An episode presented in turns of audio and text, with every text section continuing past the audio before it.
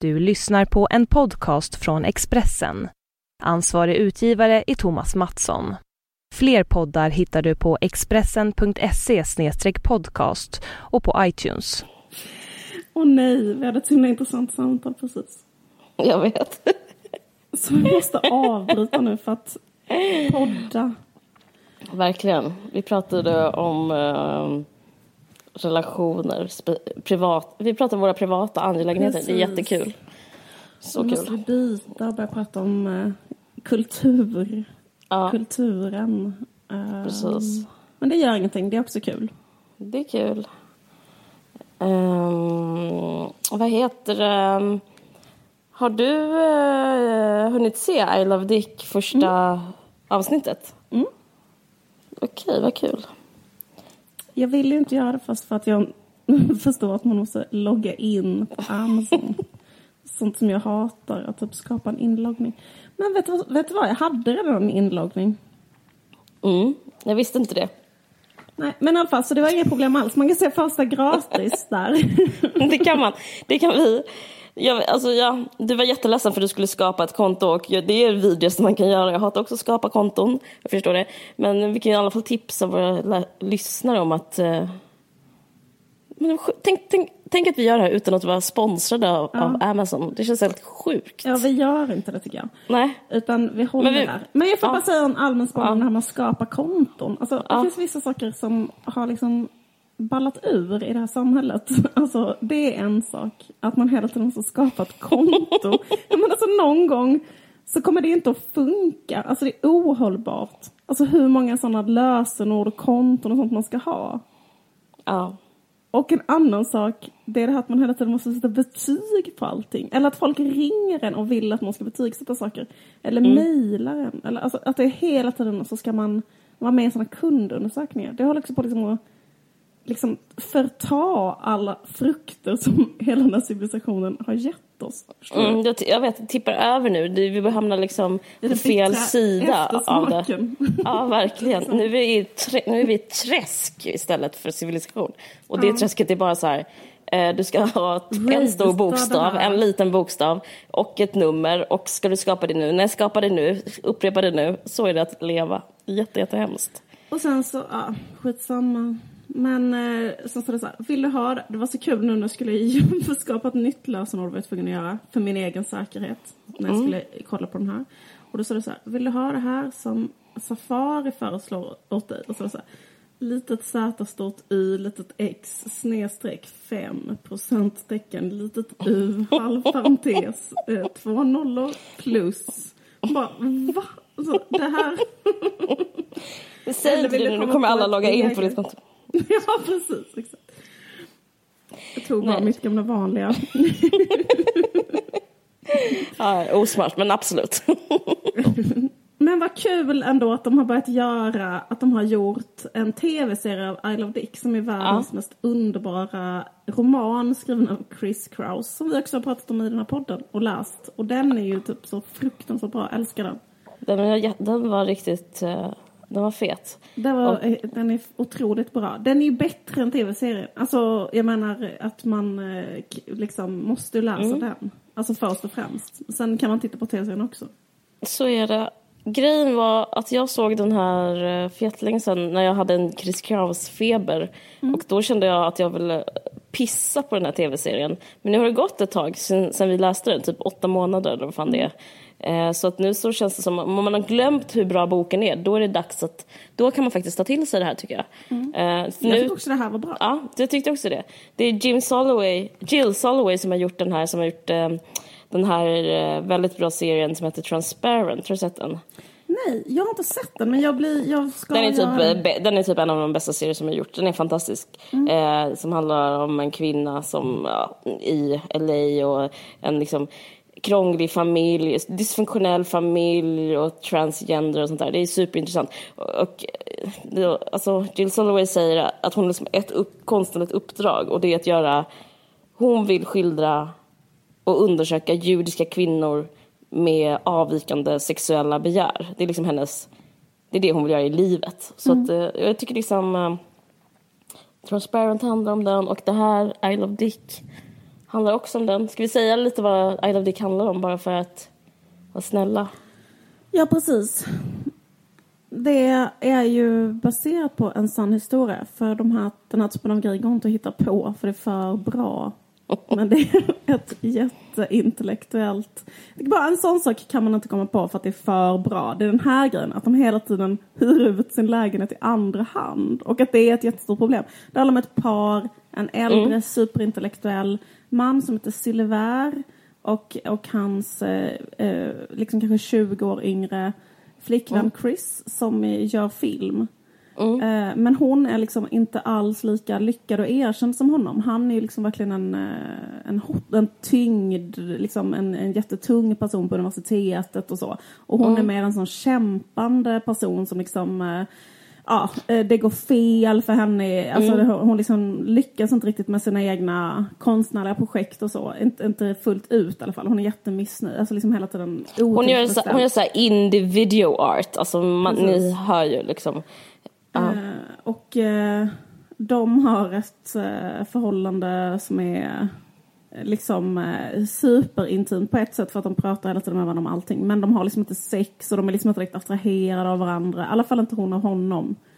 Eh, sen ska de åka till eh, Kalifornien, eller? De ska åka till en sån typisk eh, festival. Den heter Marfa som är typ så här eh, Art Nönnen, typ, eh, alltså en sån där, ja man kan man tänka sig Biennalen i Venedig mm. som är typ för kontemporär konst och ja, precis. Mm. Och då uh, är det en person där som heter Dick som är liksom också jobbar på universitetet. Och är liksom kollega med hennes man egentligen. Och han uh, är då en uh, lite såhär... Är inte han konstnär? Jag trodde han var konstnär. Men han kanske är konstnär, men han ah. jobbar på universitetet. Ah, jag vet inte ah, om han är konstnär, men han kanske jobbar med att undervisa i mm. någonting. Men med detta, jag, vi vet inte. Mm, det spelar inte så stor roll. Det viktiga är att han är skit, eh, att hon blir så direkt extremt eh, sexuellt eh, och romantiskt eh, attraherad av honom. Hon blir mm. helt besatt av honom. Och... Ehm, Ja, det speciella med det är ju sen att hon börjar skriva brev till honom och hon inviger sin eh, man, sin make, mm. i den här besattheten. Så, så hon börjar skriva typ så här, eh, liksom besatta, febriga, liksom galna brev fulla av åtrå. Eh, och, och sen så skriver han, hennes make skriver också brev till honom. Och sen så har de, liksom, de tar in honom i deras relation och typ eh, nästan som ett par som börjar använda sexleksaker. Alltså, mm. Hon får en uppenbar crush på honom. Mm. Eh, hon blir kär i honom. Men mm. då börjar typ deras sexliv fungera igen för att hon, det finns så mycket energi helt plötsligt. Mm. Eh, och han är bara en mottagare från hennes liksom, åtrå. Eller mm. deras båda, för han svarar liksom inte. Eh, Dick. Men jag, ty- jag ska bara säga en sak som är så mm. roligt om det här med att de är intellektuella. Det tyckte jag var väldigt roligt i serien, att de säger sådana saker som eh, en, alltså, tänkte du när de skulle hyra ut sin lägenhet? Well, hey, where's my copy of uh, The Sisyphus Myth? Alltså det är väldigt så klyschigt allting. Alltså mm. den, det, och konstvärlden också. Hey honey, did you pack the lapsang Shang-Chi? Mm. hörde du det också? Alltså det är väldigt så här... Um, jag, ty, eller jag kan prata om det lite mer sen, men jag tycker det är väldigt kul med... Eh, dels finns det den här eh, om att hon har en åtrå, det handlar om kvinnlig lust. Men det finns ju också någonting om alltså att amerik när amerikaner är intellektuella, att de är så... Eh, det här vi pratade om på podden innan, att de är så klyschiga, att de är som esteter på gymnasiet, att de typ ska dricka lapsang-te och mm. läsa liksom eh, Platon typ. Alltså det är så Just det, men jag det är så roligt. Chris ja. Kraus i verkligheten, alltså hon som har skrivit ja. I Love Dick, hon är inte en sån gymnasieintellektuell. Utan hon är ju verkligen ja. Det känns som att hon gjort så i tv-serien. Hon Precis. är ju verkligen en sån person som gör jätteobskyr videokonst och um, Alltså är en sån... Eh, ja, hon är truly intellektuell. intellektuell. Ja, ja verkligen, alltså, verkligen. Man måste googla alla referenser i boken. Alltså för att så här, ja, eller vänta, det, det, det, liksom, det är så mycket Absolut, hon, men det, är skill- men det liksom blir en skillnad i, eh, mm. i serien. Att, de gör, att det blir som den skildringen av eh, vad ska man säga, det är en subkultur, en, en skildrad av en subkultur och den subkulturen är att vara så här New Yorkan intellektuell artist. Alltså därför blir det rätt så um, eh, vad ska man säga, alltså det är bilden av en intellektuell konstnär som visas mer än en intellektuell konstnär.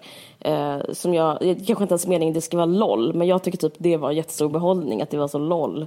Och att, typ att de så diskuterade holocaust hela tiden också. Mm. Eh, det känns ändå som att det är en slags kritik eh, jo, men det, mot konstvärlden och att det är liksom på ett visst förutsägbart sätt. Alltså det är lite som så här, ja men det är så satir helt enkelt. Jag tycker det är kul. Jag tycker en sak var så himla intressant.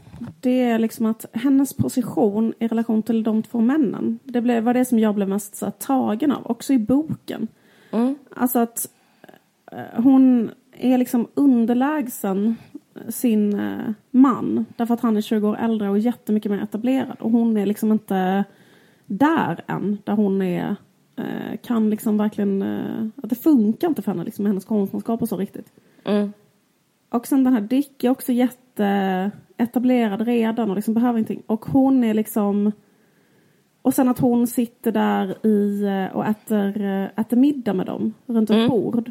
Mm. Och liksom de tittar lite överseende, alltså de utbyter blickar med varandra och tittar lite överseende på henne och, och mannen säger till henne Easy on the red wine, typ. För att hon blir lite så upp uppbragt över någonting. Mm. Och sen säger Dick till henne, eh, kvinnliga regissörer har aldrig gjort har aldrig gjort eh, några bra filmer. Exakt. Eh, och eh, den där situationen, det var så länge sedan jag såg den eh, liksom skildrad. Eller, alltså det är verkligen eh, den där situationen när man, när man själv är i, sånt, i en sån situation. Mm. Och för en själv så är allting på liv och död i det där samtalet. Och alltså det där att hon går ut och måste alltså nästan ta sig samman och bara alltså måste gå på toaletten. Alltså, att, att hon är liksom helt ja, så jävla utsatt och de är inte utsatta alls. Alltså Nej. för att um, de har ett sånt jävla överläge. Och att de har hela konsthistorien och, och filmhistorien på sin sida och hela den där grejen. Liksom. Det tycker jag är väldigt bra skildrat faktiskt. Det var, det var jättebra. Liksom, det var jättebra. Jag, jag, jag, jag, jag, skrev, vet det, skrev upp det också. Jag, tänkte mest på, för han, för han frågar också hennes då äkta make Silver, gör hon någon bra konst då? Och då är han så här, ja, den kan, hon, hon håller på, alltså, de ska, de ska säga, recensera henne framför henne. Och sen så, så säger hon så här, nej men det blev något skit med typ, eh, det blev någonting som hände så det gick inte att jag kunde Eh, jag skulle också egentligen haft en utställning med min film här på den här Mafta-festivalen, vad fan den hette. Mm. Men, eh, men det gick inte. Eh, och han bara... Ska då analyserar han henne på ett sånt... Som, ja, det tycker jag är väldigt bra. Då säger han så här, jag tror att, att uh, du inte har... Uh, Eh, du har inte desire nog att göra en, en bra film. Mm. Det är det enda som krävs. Typ, skit i liksom begåvning eller förtryck av kvinnor eller någonting. Den enda förklaring om man gör konst överhuvudtaget är om man vill det tillräckligt mycket. Mm. Och det tycker jag var så himla... Det, det, jag känner igen mig i det. Alltså den typ av det är så otroligt provocerande mm. att, att, typ han typ som en sån um, vit professor eh, slash konstnär här, berätt, liksom så här, föreslår att hon, du kanske inte vill det tillräckligt mycket. Mm. Eh, det tyckte jag också var väldigt, så här, ja, det var väldigt bra. Och, men det är också då hon, jag tror det är då hon går ut precis och så måste ja. så här, kyla ner sig. Liksom, för det. Mm. Tycker det var så intressant just den där frågan, eller just den där, det där när man får som eh, kvinna eller säkert också som andra grupper som inte har varit så eh, representerade historiskt i liksom när det gäller att ha uträttat stora kulturverk och så vidare. Mm. Så liksom eh, alltså att eh, man kan få den saken slängd eh, och det, det har, har, ju alltså jag har fått jättemånga gånger också att folk har sagt mm. det. Nu är det otroligt länge sedan men när jag var yngre så hände det liksom jätteofta att folk sa så här Ja, men mm. tjejer har aldrig skrivit, kvinnor har aldrig skrivit några bra romaner eller de har aldrig gjort någon bra musik eller de har mm. skrivit någon klassisk musik. Ja men du vet den här grejen, att man liksom får höra det.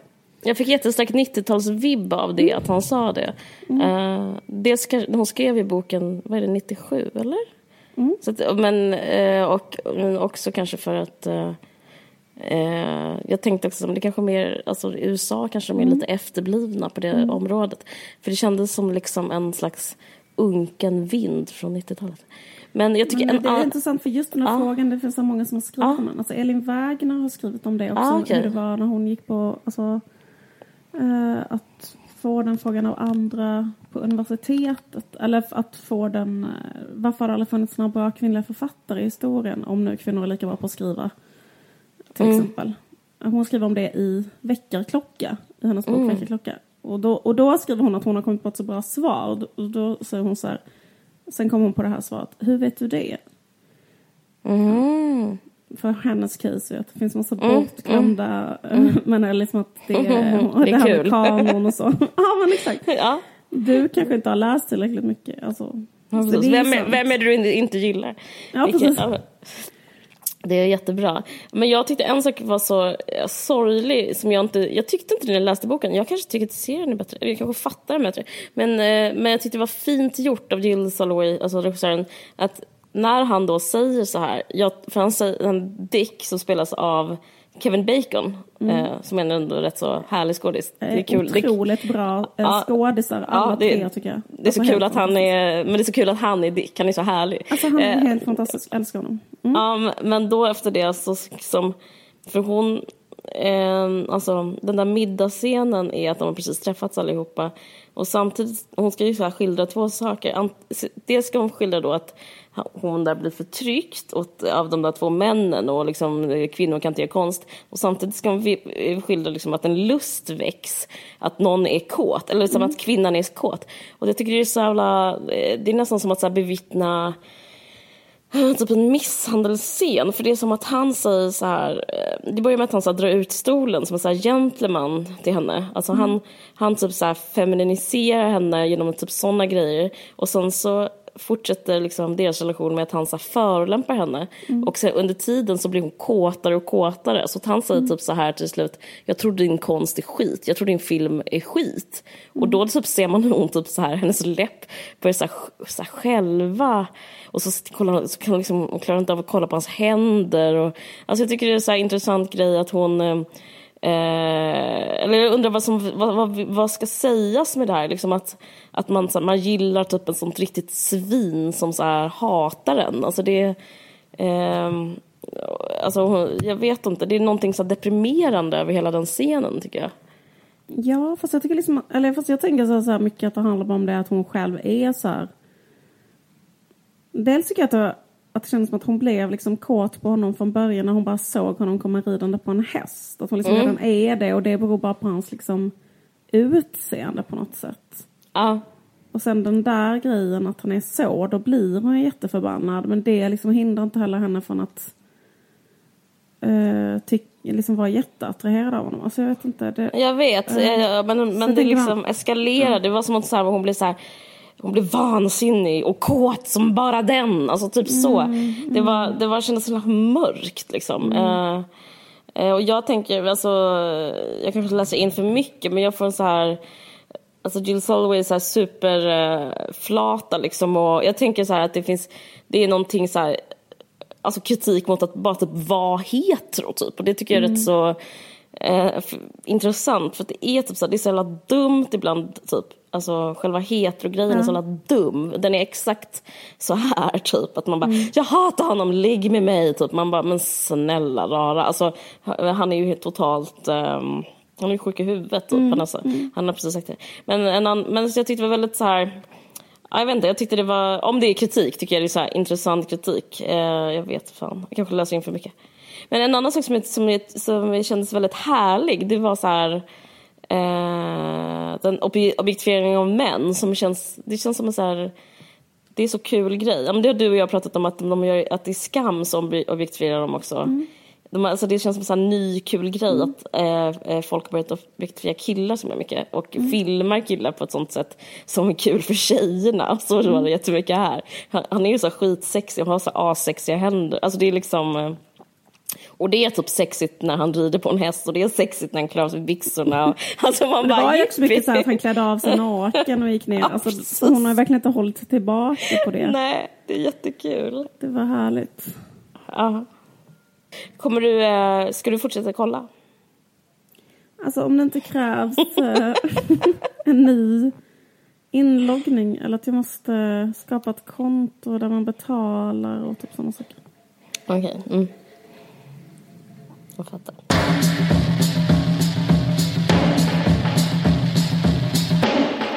Eh, det är helt... eh, det, alltså det känns så otroligt kul att uh, Marie-Louise eh, Ekman har sin utställning på Moder- Moderna. Mm. Jag har inte hunnit eh, åka upp och kolla på den än. Alltså den hade ju vernissage.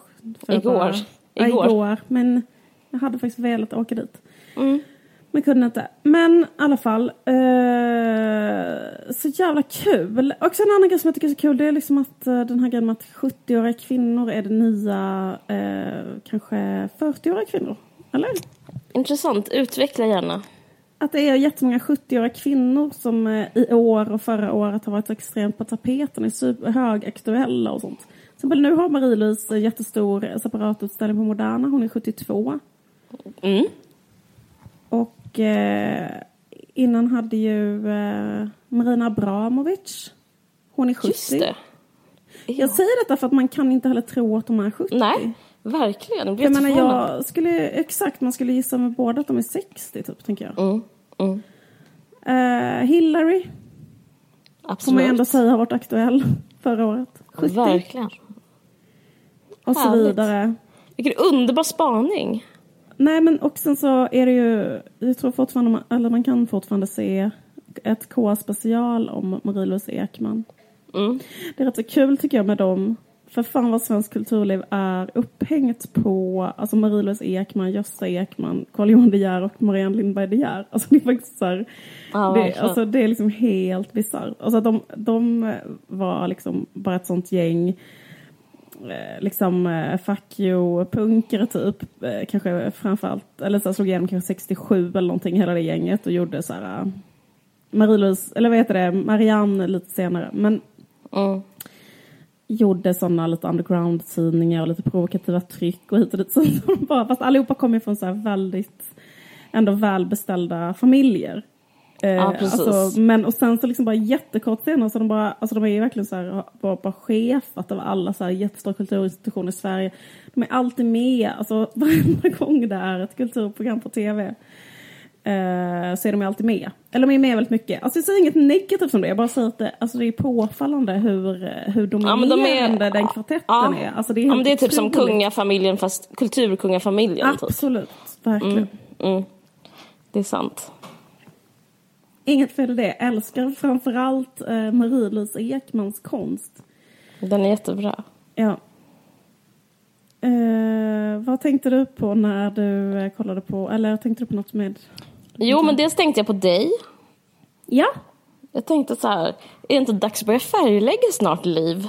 jo, jag vet. Jag, Fick, fick inte du, jag blev liksom inspirerad å dina vägnar. Ja, jag vet. Jag blev jätteinspirerad själv. Ja. Hon färglägger på ett lite intressant sätt för hon har bara helt, eh, alltså, helt klara färgfält. Ja, just det. Och Hon mycket liksom konturer. Ingen, ja, bara konturer och Ja. liksom inget. Så att hon liksom har ju, alltså det är ett så här, eh, Men jag tycker det påminner lite om dina bilder, för du har ju också det. ja. Eh, kontur, ja. Eh, och det, blir, så- det är så fint. Och det är så fint. Hon gör så fina, hon har så fina mjuka pastellfärger ofta. Det är så himla Mm. underbart. Hon gör ju också liksom serier lite grann. Alltså att, Ja. att det händer saker med eh, karaktärer i olika rutor och sekvenser och så. Mm. Ja. Nej men, eh, nej men jag... eh, Jag vet inte, jag tyckte... Jag såg den här precis, den här, vet K-special. Heter den något speciellt? Eh, K-special med Louise Ekman. Och, och jag tyckte den... Jag trodde bara typ att den skulle vara så här...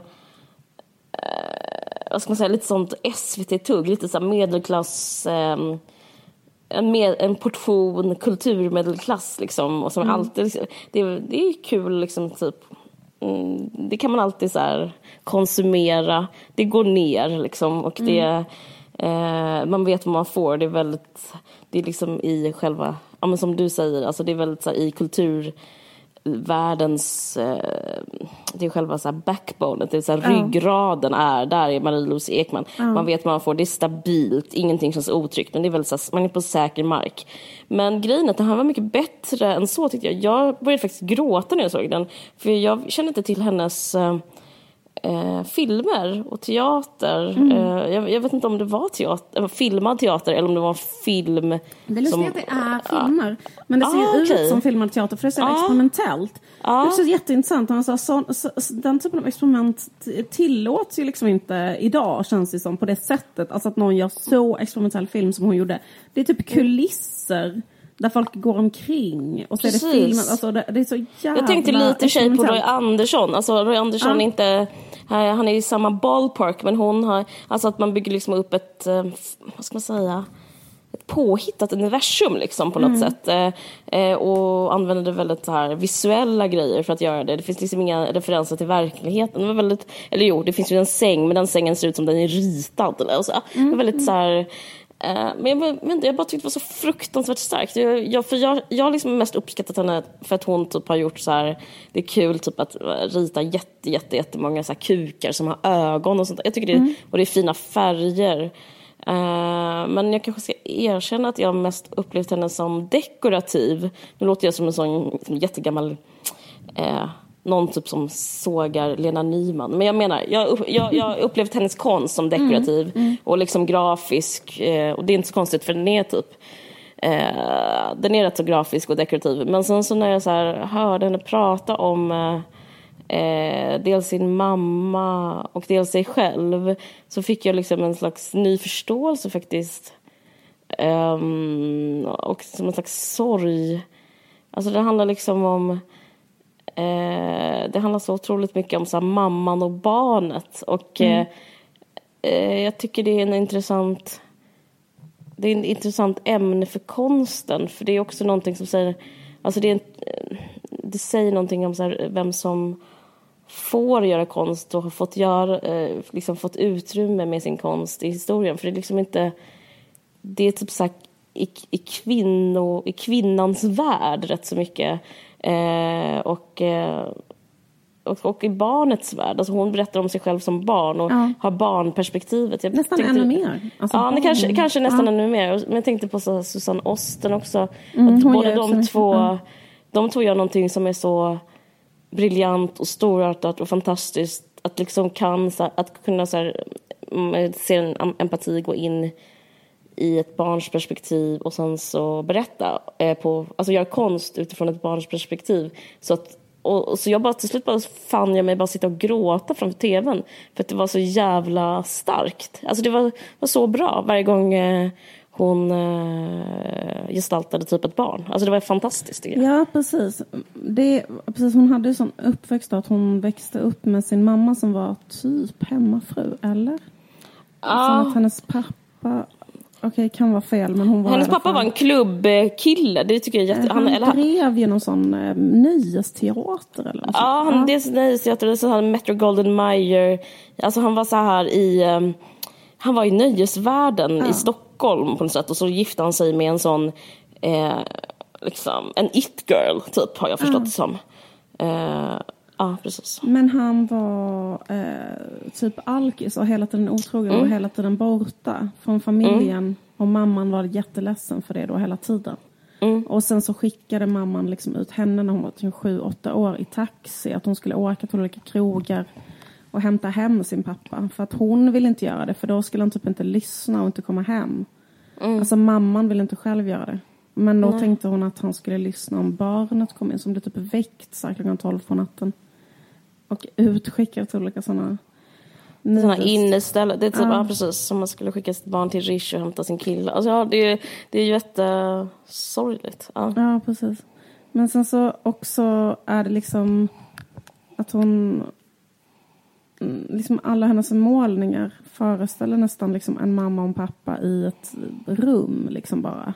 Mm. Som kanske sitter och ser på tv eller är vid ett köksbord. Eller. Alltså det här tycker jag också är så här, det är någonting som är så jävla universellt med det här barnperspektivet. Att man är någonstans och ens förälder... Förstår du vad jag menar? Alltså det, här, det bara är det som att man är så jävla Mm. utlämnad till en konstig människa som så sitter och tittar på något sjukt på tv. Bara är där. Mm. Och så, jag vet inte. Ja, det är skitbra. Ja, det är riktigt jävla bra. Jag tänkte på en sak när jag kollade på den. Och Mm. eh, jag ska spela upp det här klippet för dig. För grejen är att när- hon var ju då ehm, också... Först så var inte hon eh, konstnär, tror jag inte. Utan att hon började liksom att vara... Eller hon kanske var det, men hon var i alla fall väldigt ung. Och hon var också fotomodell. Mm. Och sen när hon bara var 22 så gifte hon sig med, eh, det står typ 60-talet också, så typ så här 22 och gifta sig och kanske få barn och... Men innan du spelar upp, jag måste, und- jag måste hålla fast vid det. För det tänkte jag också. Den där grejen med att vara typ en punkare eller vara så mot systemet. och sen så ska man, alla de då ska gifta sig hela, hela tiden. Det, vad- what's up? Vad, vad är, för de bara, de, Carl-Johan De Geer hon var i ett tv-program och så, så bara, är inte lite borgerligt att vi, eh, som någonting. Men så sitter de ändå där och är gifta. Eh, jag, jag, vad, vad, vad fan var det om? Varför ska de gifta sig så mycket? Men är inte det för att det är så länge sedan? Alltså Okej, typ att ja. eh, kanske på 70-talet slutade man gifta sig men det var ändå då 60-tal och då kanske det fortfarande, jag menar det var, det var ju 67 kanske de, eller de kanske Ja. säger 67 eller 66 Ja. så det kanske var för konstigt fortfarande att bara bo ihop. Alltså, Så, kan, att- så måste det vara. Ja. Jag vet inte. I alla fall, eh, jag, jag eh, tar ut mina hörlurar så att du kan lyssna på detta.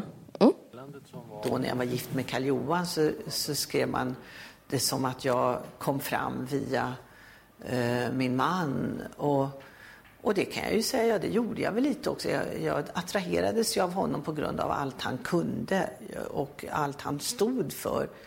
Han öppnade ju en hel värld eh, genom sitt sätt att prata och analysera och, och beskriva allting som så bisarrt och absurt. Det som jag hade haft problem med under en hel uppväxt och känt mig eh, utanför i beskrev han som bara bisarrt och absurt. Och eh, helt plötsligt så kunde jag titta på det med humor eh, när jag träffade honom. Så på det sättet var det ju sant att jag, eh, jag, jag blev förlöst ihop med honom. Alltså, det hon beskriver här liksom är att hon är så här 22 år och eh, han är ju då vad heter det, 27 eller 28 och har redan liksom, och har verkligen sitt jättestora framgångsår där 67 när han gör de här eh, trycken, skända flaggan och hit och dit. Så det bla bla bla bla.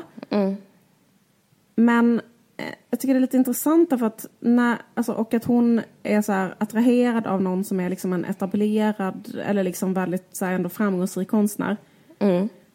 Och att det liksom... eh, Men att det liksom för en... Det, det är liksom som att det kan hända typ två saker när det är en sån ung... Alltså väldigt ofta när det är en sån ung tjej som är så attraherad av en äldre kille som är etablerad i något kulturområde, bla bla bla. Så blir kanske hon det för att just att man tänker så här, nu ska vi bli så här kompanjoner som gör konst tillsammans och bla bla bla. Men att det är så jävla vanligt att eh, sådana killar är så här då. Eh, nej, för du är en tjej och jag är den skapande personen och hit och dit. Mm, just det. Mm. Men att det ändå liksom så finns undantag. Eller att det så här, jag tyckte det var bara så här, eh, ganska fint att lyssna på att hon upplevde det som att han direkt bara var med henne. För jag menar, de flyttade in i en lägenhet som de typ så här gjorde till ett eget galleri och bara målade hela väggarna och tryckte sina egna kläder och hade hela tiden fester där, där de tillsammans gjorde olika så här performances. Alltså förstår du, typ så direkt liksom. Eh, och jag tänker också att han gjorde så med Marianne Lindberg de Geer också. Ja, okej. Mm. Alltså hon var ju inte heller en särskilt etablerad konstnär. Men jag menar att det är liksom varför män eller kvinnor liksom så kommer in eller inte kommer in i konstvärlden eller kommer in eller inte kommer in i... Att det liksom också handlar ganska mycket om sådana typer av liksom gatekeepers, om du förstår vad jag menar. Att det finns av vissa män Absolut. som bara är så här, ja, jag kan samarbeta konstnärligt med min flickvän och det är jättekul. Och eh, kom in här och nu gör vi detta och bla bla bla. Men det är inte så jättevanligt liksom. Nej, jag vet. Men till exempel, men jag vet inte, för jag har till exempel aldrig varit med om det. Jag har bara varit med om motsatsen. Alltså när jag var yngre, att jag tänkte så här, wow den här killen, vi skulle kunna göra det här. Varför har inte vi ett galleri där vi är hemma, där vi trycker tyger och så? Men då har jag bara alltid varit, liksom, eller det har liksom aldrig hänt. Utan Då är han så här, jag ska trycka tyger, jag ringer dig sen. Ja men precis, eller så här, jag ringer inte. För jag trycker tyger. Ja, precis. Ehm, Ja, men jag har en jättedeppig förklaring som eh, du inte kommer gilla för att den gagnar inte dig alls. Mhm. Eh, men för, alltså, den är så grov, min förklaring, och jättemörk. För jag tänkte exakt att hon är snygg. Ja, jag tänkte på Men det här det- också. men det var ju jag Men med, Vänta, alltså, när exakt, jag det var det jag menar. Det jag menar att du inte skulle bli glad. Eh, ja, det, det Inte jag så med. Snygg som hon var på 60-talet. Men grejen är, får jag bara säga en sak?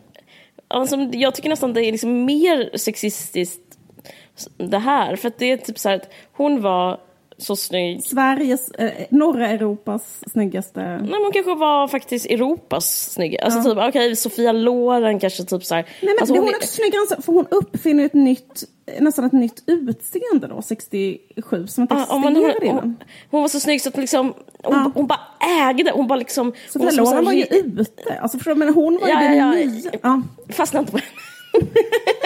Jag bara tycker det, alltså hur man kan ha så här midjelångt rött hår och en Ja, uppnäsa. alltså hon var så snygg så, Runda så att man, Ja. eh, man ville så här slå, hugga sig, slå sig själv. Och jag tror att det finns någon slags axel, eller heter det axel, alltså det finns någon sån eh, exponentiell kurva diagram Mm. vi kan göra av det här som är typ så här, om en kvinna i Mm. en sexistisk värld är, för, är så snygg, då så öppnas alla portar på grund just av att det är en sexistisk värld. Att då är det så här, Marie-Louise, vad vill du ha? Jo, jag vill ha konst med dig, Carl-Johan. Ja, vet du vad? Det är det minsta du ska få. För du ska få allt du vill. Och, så var det, och sen dess har hon varit en it-girl och är typ så här... Det, det, jag, menar inte på, jag, jag menar att hon också är en konstnär och jag fan suttit och gråtit. Jag bara menar att hon har varit det också. Att det finns en slags skönhetskapital som hon är så rik av så att liksom... Det enda jag tänker på, alltså jag, jag så, det är två saker samtidigt som jag kollar på när jag kollar på dokumentären. Hennes jag bara, bröst, hur jag bara, snygg hennes bröst är. hennes, hennes bröst, hennes ben, hennes hår. Hennes, alltså, jag sitter så samtidigt som jag bara, fan intressant det här med så här freudianska modersgrejen. Så bara, uff, nu är jag där igen och kollar på hennes hår. Alltså nu pratar jag om henne som 70-åring. Mm. Alltså hon är så snygg så att liksom, ja det är också gett henne allt. Okej, jag, jag, kan ge, jag, ska ge, jag, jag ska snart eh, argumentera emot, men först ska jag ge dig ett ännu bättre exempel än Ja, detta. okej. Det är Nicke de Fall, eh, skulptören Nicke de Fall. Mm. Hon ehm, var ju, hon är ett sånt exempel. Alltså det finns ju ingen, alltså hon var med i en sån eh, konstriktning som fanns i Frankrike också på 60-talet.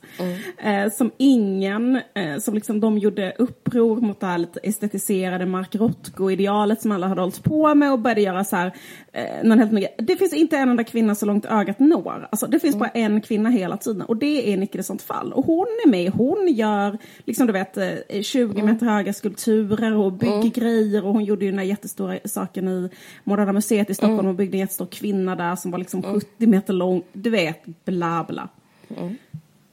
Ser du, du vet hur hon ser ut? Ja men absolut. Ja, Ja. Men, nej, men liksom att det blir, för det är så sjukt att hon är så snygg så att hon har ingen utbildning heller. Alltså hon har liksom ingen konstutbildning. Hon behöver ingen utbildning. Nej, hon behöver ingen utbildning. Hon bara liksom behöver vara det facet. Ja men det facet är, alltså det är som en sån, eh, alltså det är öppna dörrar. Men får jag bara, också, får jag bara, bara nämna hur Marina Ambrovic såg ut? Mm. Alltså det är också så, man bara, alltså jag måste ligga med henne nu. Nu! Ja. Och sen så Marianne Lindberg de Geer, alltså också Ja. man bara, ja hon är, eh, typ hennes läppar, alltså hon är så... ja men absolut, alltså det är ju en Eh, Ebba Witt-Brattström, man bara, eh, absolut, du får jättegärna prata här, du får jättegärna, bara Alltså, fortsätt prata Ebba. snälla, eh, gå in här. Nej men, alltså, eh, nej men det är absolut en faktor. Jag menar inte att, nej, jag menar inte att så objektifiera de här kvinnorna, jag bara jag försöker... tror, nej, men alltså, jag Ja. tror nästan att när det gäller konstvärlden att det kan vara ett ännu större kapital än liksom den akademiska världen. För där är det ändå, liksom, måste du ändå klara en tenta och så vidare. Men det finns någonting med att du bara går in i ett rum och är så snygg så att alla vill prata med dig och alla vill vara med dig. Exakt. Eh, som gör att liksom, och liksom såklart vill alla gå på din vernissage eller såklart vill Ja. alla titta vad du har gjort för, eller följa med hem till dig och titta vad du har gjort för konst eller. Alltså, och, och, och hålla i någon vev när någon annan trycker och hjälp mig lite här och Exakt. ta lite gips på den. Och, Eva alltså, Hesse är ju ett Ja. annat exempel. Alltså som är typ så här, alltså du vet, liksom typ så här, hon hade en manlig medhjälpare Som Ja. hjälpte henne att göra alla hennes eh, alltså, skulpturer och allting gratis. Alltså, förstår man, alltså, ingenting hade gått utan en sån kader av såna. Eller jag menar, det är mycket svårare att jobba om man inte hade haft väldigt många så här, män som bara for the joy att vara hennes så här, sjuka, vackra närhet. Hade velat så här, eh, Precis. göra massa grejer för henne. Men, och sen att det är liksom väldigt mycket en mans world. Så de kanske Det är det. den Det enda det. kvinnan där. Alltså det var att hon, ja men som det var för Nicky i sånt fall, att hon liksom går in på ett liksom galleri. Ja men du vet att det finns, finns kanske inga andra kvinnor där. Nej, precis. Eller och jag tycker också man kan också visa liksom hur det blev när de inte är så vackra. Som Simone de Beauvoir som var en, typ, en fyra mer än en femma kanske. Mm. Och var liksom... Och då var, det, då var det att hon inte kom ända in. Då var det liksom att hon fick vara ensam väldigt mycket. Och liksom, eh, förstår, alltså, för hon hade ju samma dröm som Marie-Louise. Och också så här, du, vi ska vara intellektuella, vi ska skapa, vi ska tänka typ. Men då är det så här, eh, jag vill inte vara med dig hela, hela, hela tiden. För jag vill vara med typ mina student, Ja, men, studentskor. men får jag bara säga en sak om, Ja. det? Alltså, liksom, jag, jag tror att det, kan, att, det, att det är så liksom, i vissa fall. Men sen så finns det ju också, alltså, den saken jag pratar om, Mm. som att det också handlar om Gatekeepers. att vissa män är... Alltså för att jag menar, om vi kollar på Nicky i sånt fall. Om inte Jacques Tanguy, eh, hennes partner, som eh, liksom typ öppnade upp också faktiskt hela liksom, konstvärlden för henne och hjälpte henne att göra alla de skulle, liksom, inte, inte hjälpte henne, alltså det var hennes, alltså det här låter fel, men menar han hade tillgång till en patriarkal värld som inte hon hade tillgång till och han liksom var så här all for att hon skulle in där och uppmuntrade henne som fan och hjälpte henne med allting och var så här, du vet, henne, de samarbetade om allting och hit och dit liksom. Eh, men jag menar att han hade också kunnat vara så här, ja men din konst är inte så bra. Ja, men, nej, nej, nej, det tror jag Eh. inte alls. Inte, nej, det är det jag menar, att det inte när har gått över den kurvan. Ja, nej, nu- ja, det är klart att hon ska men presentera tänk på alla för såna- alla. Ja men du vet alla extremt snygga groupies som kanske har följt med ett band och det bandet säger inte du kanske vill spela bas i här med oss. Nej. Utan de Ja, säger bara träffa mig i logen.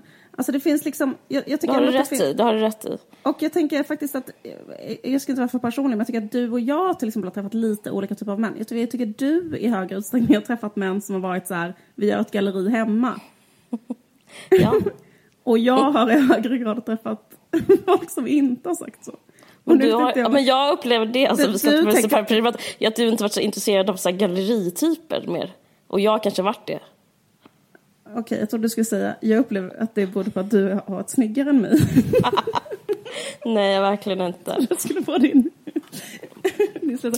Nej men jag tror att jag blev avskräckt av gallerityper därför att jag tänkte så här, jag, jag ska vara med någon som jag kan skapa med. Och sen så märkte jag att det var bara någon som var intresserad av att du kan sitta och lyssna här när jag läser den här dikten. Alltså förstår du vad jag menar?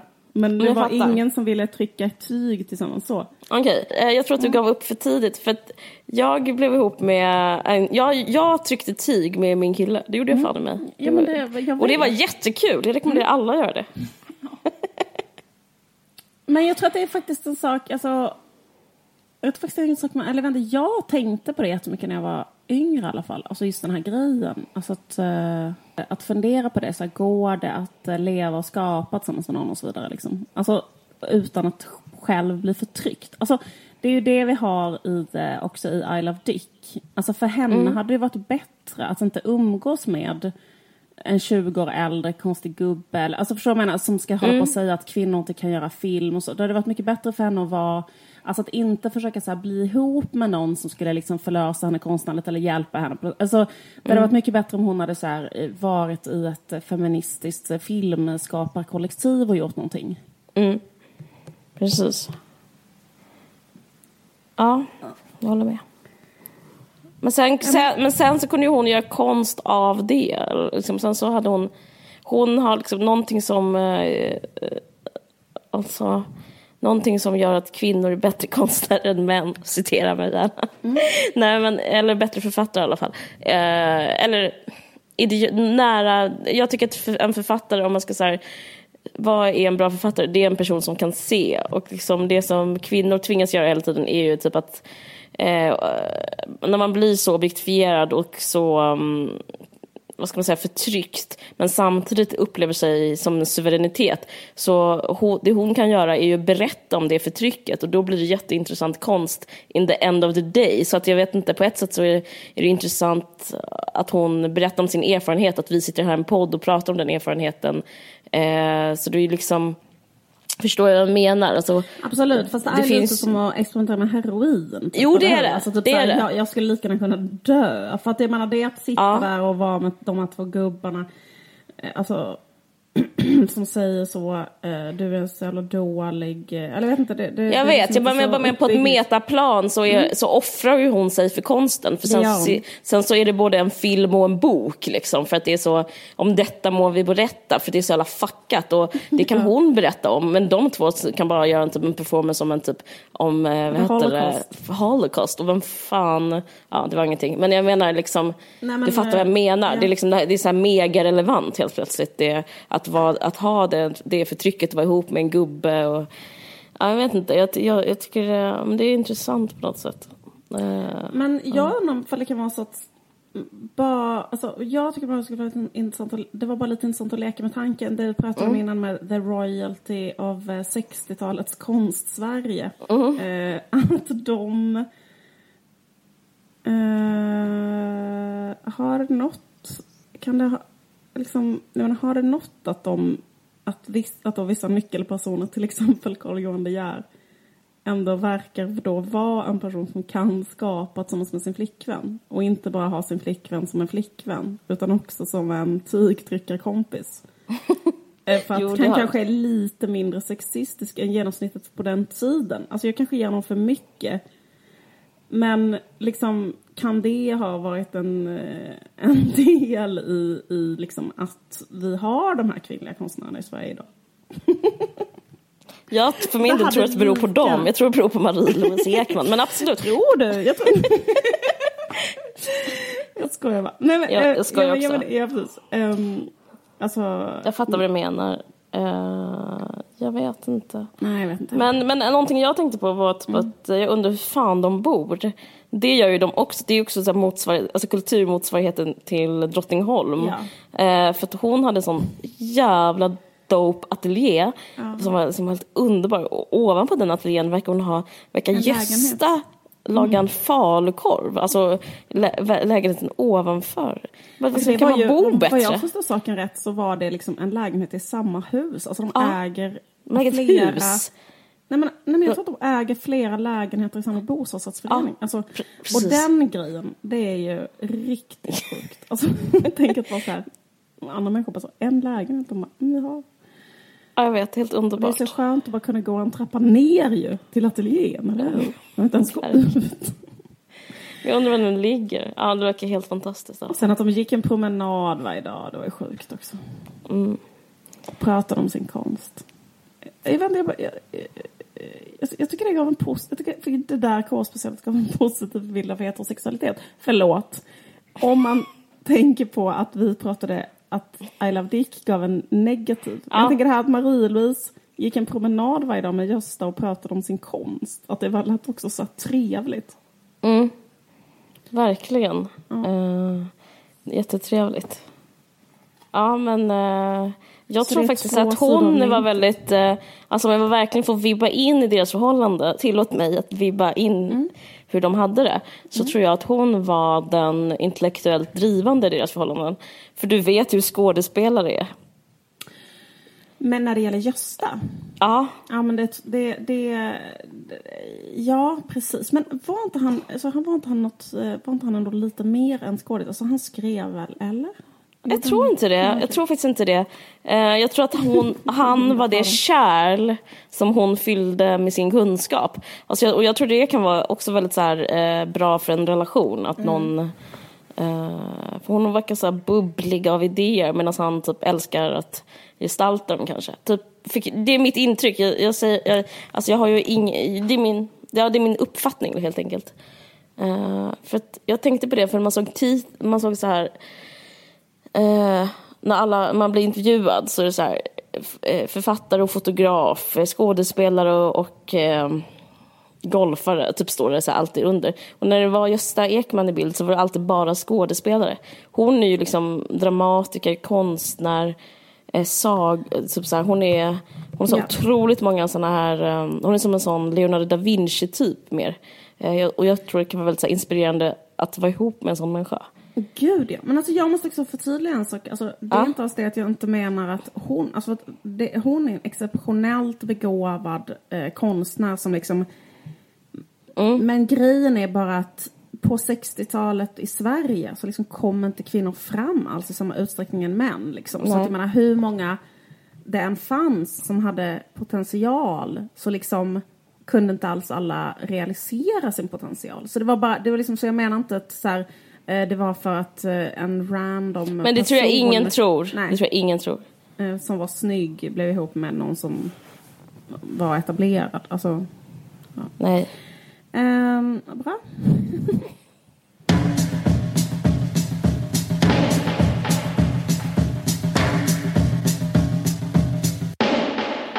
Jag håller på med mitt projekt att eh, läsa klassiker som jag inte har läst. Mm. Numera är det mitt ensamma projekt, precis som du inte... Jag har, jag läste den, du, jag, läste den när jag var 20. Ja men eh, Anna Karenina. eh, Den har läste jag när jag var 20. kommer fram nu på ett jättekonstigt sätt. Jag skojar. Jag trodde du pratade om Jane Eyre. Jag, jag kan inte uttala det så jag kan inte säga vad den boken heter. Nej, just det. Jag, jag säger hela tiden air, men det kanske är fel. Air. Jo, men då tycker jag det borde stavas A-I-R. Så jag tycker det är stressande att den heter så. Jane Eyre. Ja. ja. Ja, Jane Eyre. Jane Eyre. Ja. Men, eh, ja, precis. Nej, men jag har inte så mycket att säga om det, mer än att jag eh, håller på med ett projekt där jag läser olika klassiker som jag av någon anledning inte har läst. Och Men varför, varför gör du det? Bara för att det är så jävla underbart. Mm. Eh, och jag rekommenderar det varmt. Alltså det finns ingenting, alltså grejen är att egentligen så är det det enda, jag har liksom glömt bort det. Tror jag för att jag har, haft så små barn på sista tiden, alltså de senaste så här, sju åren. Och nu Men de jag, tror, men jag tror att du har läst eh, anden typ av böcker. För jag minns när vi var unga att du läste du typ Snabbmatslandet och sådana böcker. Nej, vad du menar att jag inte har läst klassiker? Alltså jag har läst extremt mycket klassiker.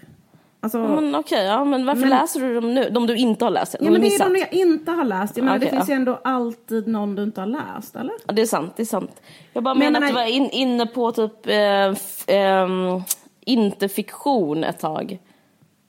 Jo, absolut. Ehm, verkligen. Jag eh, läser jättemycket. Men det, det gör jag nu också. Men det har jag, det gör jag alltid. Alltså läsa facklitteratur. Eh, men att det är så himla härligt att läsa uh, skönlitteratur. Och att det är så här, att man tänker, eh, eller att jag ja, inte har eh, haft tid riktigt för att, eh, på grund av olika saker. Men, eh, men, eh, men det finns liksom inget som jag tycker mer om än att ligga i min säng och läsa en bok. Alltså det är så jävla underbart. Nu har jag i Samma alla fall läst Jane Eyre och det var helt... Den är fantastisk. Den är helt sjukt bra. Den är du klar? helt sjukt bra. Jag har typ tre, tre sidor kvar. Den är så jäkla bra. Får jag bara berätta en sak eh, om Charlotte Bronte? Jag ska bara berätta en sak. Som jag, jag tror är, som jag inte alls känt till i alla fall. Men som är lite intressant ur kvinnohistorisk synpunkt. Mm. De var ju från början, vad heter det, jag tror sju syskon eller något liknande. Men två dog när de var, nej de var sex syskon från början. Två dog när de var liksom tonåringar. Två döttrar till som fanns. Och sen var de fyra syskon som överlevde liksom till vuxen ålder. Men av dem dog tre, typ innan de blev 30. Sen var det bara Charlotte Bronte som var kvar. Okej. Hon hade ju två systrar till som också var enormt duktiga skönlitterära författare. Så- Alltså- Ja, just det. Emil, har du läst eh, Svindlande höjder? Ja, gud ja. Den är helt Absolut. fantastisk. Ja. Precis, jag har läst både Emily Bronte och Anne Bronte. Eh, och eh, de är ju då eh, liksom exakt lika bra författare, typ kanske till och med bättre. Alltså förstår du, det är liksom så sjukt. Men, eh, men de dog innan de var 30. Men Charlotte levde liksom tills hon var 39. Men vet du vad hon dog av, tror man, enligt en, eh, en teori? Nej. För att hon gifte sig alltså när hon var ganska gammal, typ när hon var 37 eller något liknande. Eh, och eh, då eh, blev hon gravid. Och sen dog hon liksom av uttorkning. Och en teori är att hon hade den här, en sak man kan få när man är gravid, som är att man kräks jätte, jätte, jätte, jättemycket. Alltså för ett enormt graviditetshormon. Hypotermos? Ja, exakt. Att hon kanske dog av det. Okej. Hemskt. Visst är det hemskt? Och Vad dog de andra av? Magen. dog de så jävla tidigt. Alltså två dog av tuberkulos när de var små. Och de andra dog av um, alltså pulmonia, vad fan är det? Lunginflammation. Ja. Ja. Typ sådana grejer som man dog av på den tiden. Och deras bror var ju en eh, odåga. Han var typ en opiummissbrukare och alkis och dog kanske av det. Vet att det finns jättevidriga teorier som är att, att, det var, att de systrarna skrev ingenting utan det var brodern som skrev allt. Gud. Jag hörde en på, Slate podcast. Som har, alltså, för det har kommit en tv-serie som handlar om deras liv som heter typ The Bronte Sisters. Den borde du se nu som är i Bronte-biten. Heads, Eh, och då, då visar de typ, eller så, här, så presenterar de den idén att så här, maybe, what if, typ att det var brorsan som egentligen var geniet. Så alla, Är det det som tv-serien går ut på? Nej, det vet jag inte, men de, i den här podcasten pratar om det väldigt mycket. Så jag tror typ det är så här, finns slags undertext i tv-serien också. Hemskt.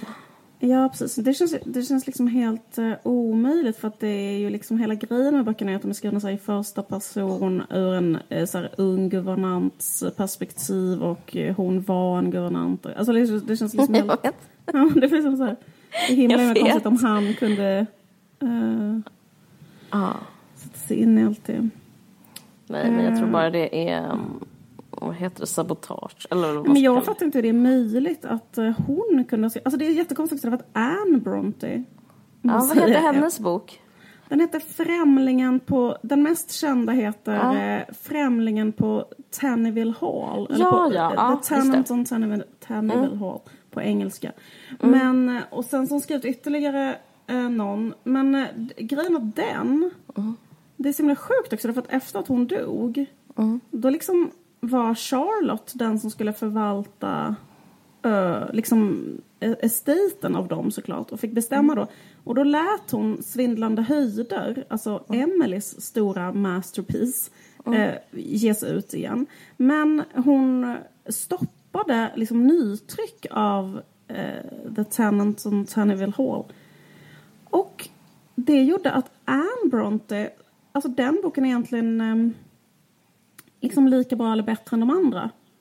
Men Ja. eh, hon liksom, ehm, eh, vad heter det, ja, av någon anledning kanske hade någon, någon hon kanske, det kanske var någonting i boken hon inte liksom ville skulle komma ut eller att hon hade något horn i sidan till den här syrran, ingen aning. Men det, det anses vara det som har gjort att hon inte alls har blivit lika känd som de två andra. För de, de andra böckerna har ju tryckts sen dess och varit liksom storsäljare. Fast den fick typ så här en jättedålig start. Jag vet inte. Vad intressant, jag visste inte. Men eh, jag har inte läst den, men jag har däremot läst eh, typ, deras samlade brev som jag varmt rekommenderar till Bronte-fans. Det är jättekul. Ja, Jag har en moster som är helt besatt av eh, Bronte. Så hon, hon, har liksom, hon har varit som min kran vad gäller sån här Bronteana. Men det är faktiskt väldigt eh, mysigt att läsa de breven. Ska vi inte... Jag vill göra en för, företa en Pilgrims eh, resa. Vi borde åka till deras... eh, Jättegärna, jag vill inget hellre. Yorkshire, eller vad heter det? Jag, jag, kan, Jättegärna. jag, jag kan inte tänka mig något... Det är så säkert så jävla fint att gå runt på sån Så gröna kullar. Ja, verkligen. Och Gå på säkert- sån hed och lida och gråta och typ dö så småningom. De har så säkert uh, något svinmysigt. Um, de har säkert en otroligt mysig så här, gift shop med Bronte uh, memorabilia. Tror du inte? Verkligen, det tror jag verkligen. Jättefina utgåvor av alla deras böcker. Och, På riktigt skulle jag tycka det var helt underbart att göra det. Jag är jätteglad att du alltså, så frågade. I thought you never asked. Alltså jag blir bor man så på ett glad. litet bed and breakfast i närheten. Så Äter- underbart. Dricker te någonstans. Så kommer en sån en sån, strippa som heter Heathcliff. Så hur det verkligen är i England. Det är bara så här, någon sån människa utan tänder som står och skriker. Som bara, oj my name is Heathcliff. Man bara, nah, ah, okej då. Det blir jättehärligt. Heathcliff. Ja, det är sjukt. Ja men tack för att ni lyssnade. Mm. När ni lyssnar, är det, det, är det midsommar? Ja, glad midsommar. Glad midsommar. Ta det försiktigt. Ta det försiktigt. Sverige dåligt. Jag vill bara säga något som inte är så nationalistiskt. Ja. Alltså Fuck angående- Sverige. På grund av midsommar. Ja. Men vi hörs om två veckor. Fuck Sverige. Okej, det gör vi. Ha det bra. Hej, hej. Hej. Du har lyssnat på en podcast från Expressen. Ansvarig utgivare är Thomas Mattsson. Fler poddar hittar du på expressen.se podcast och på iTunes.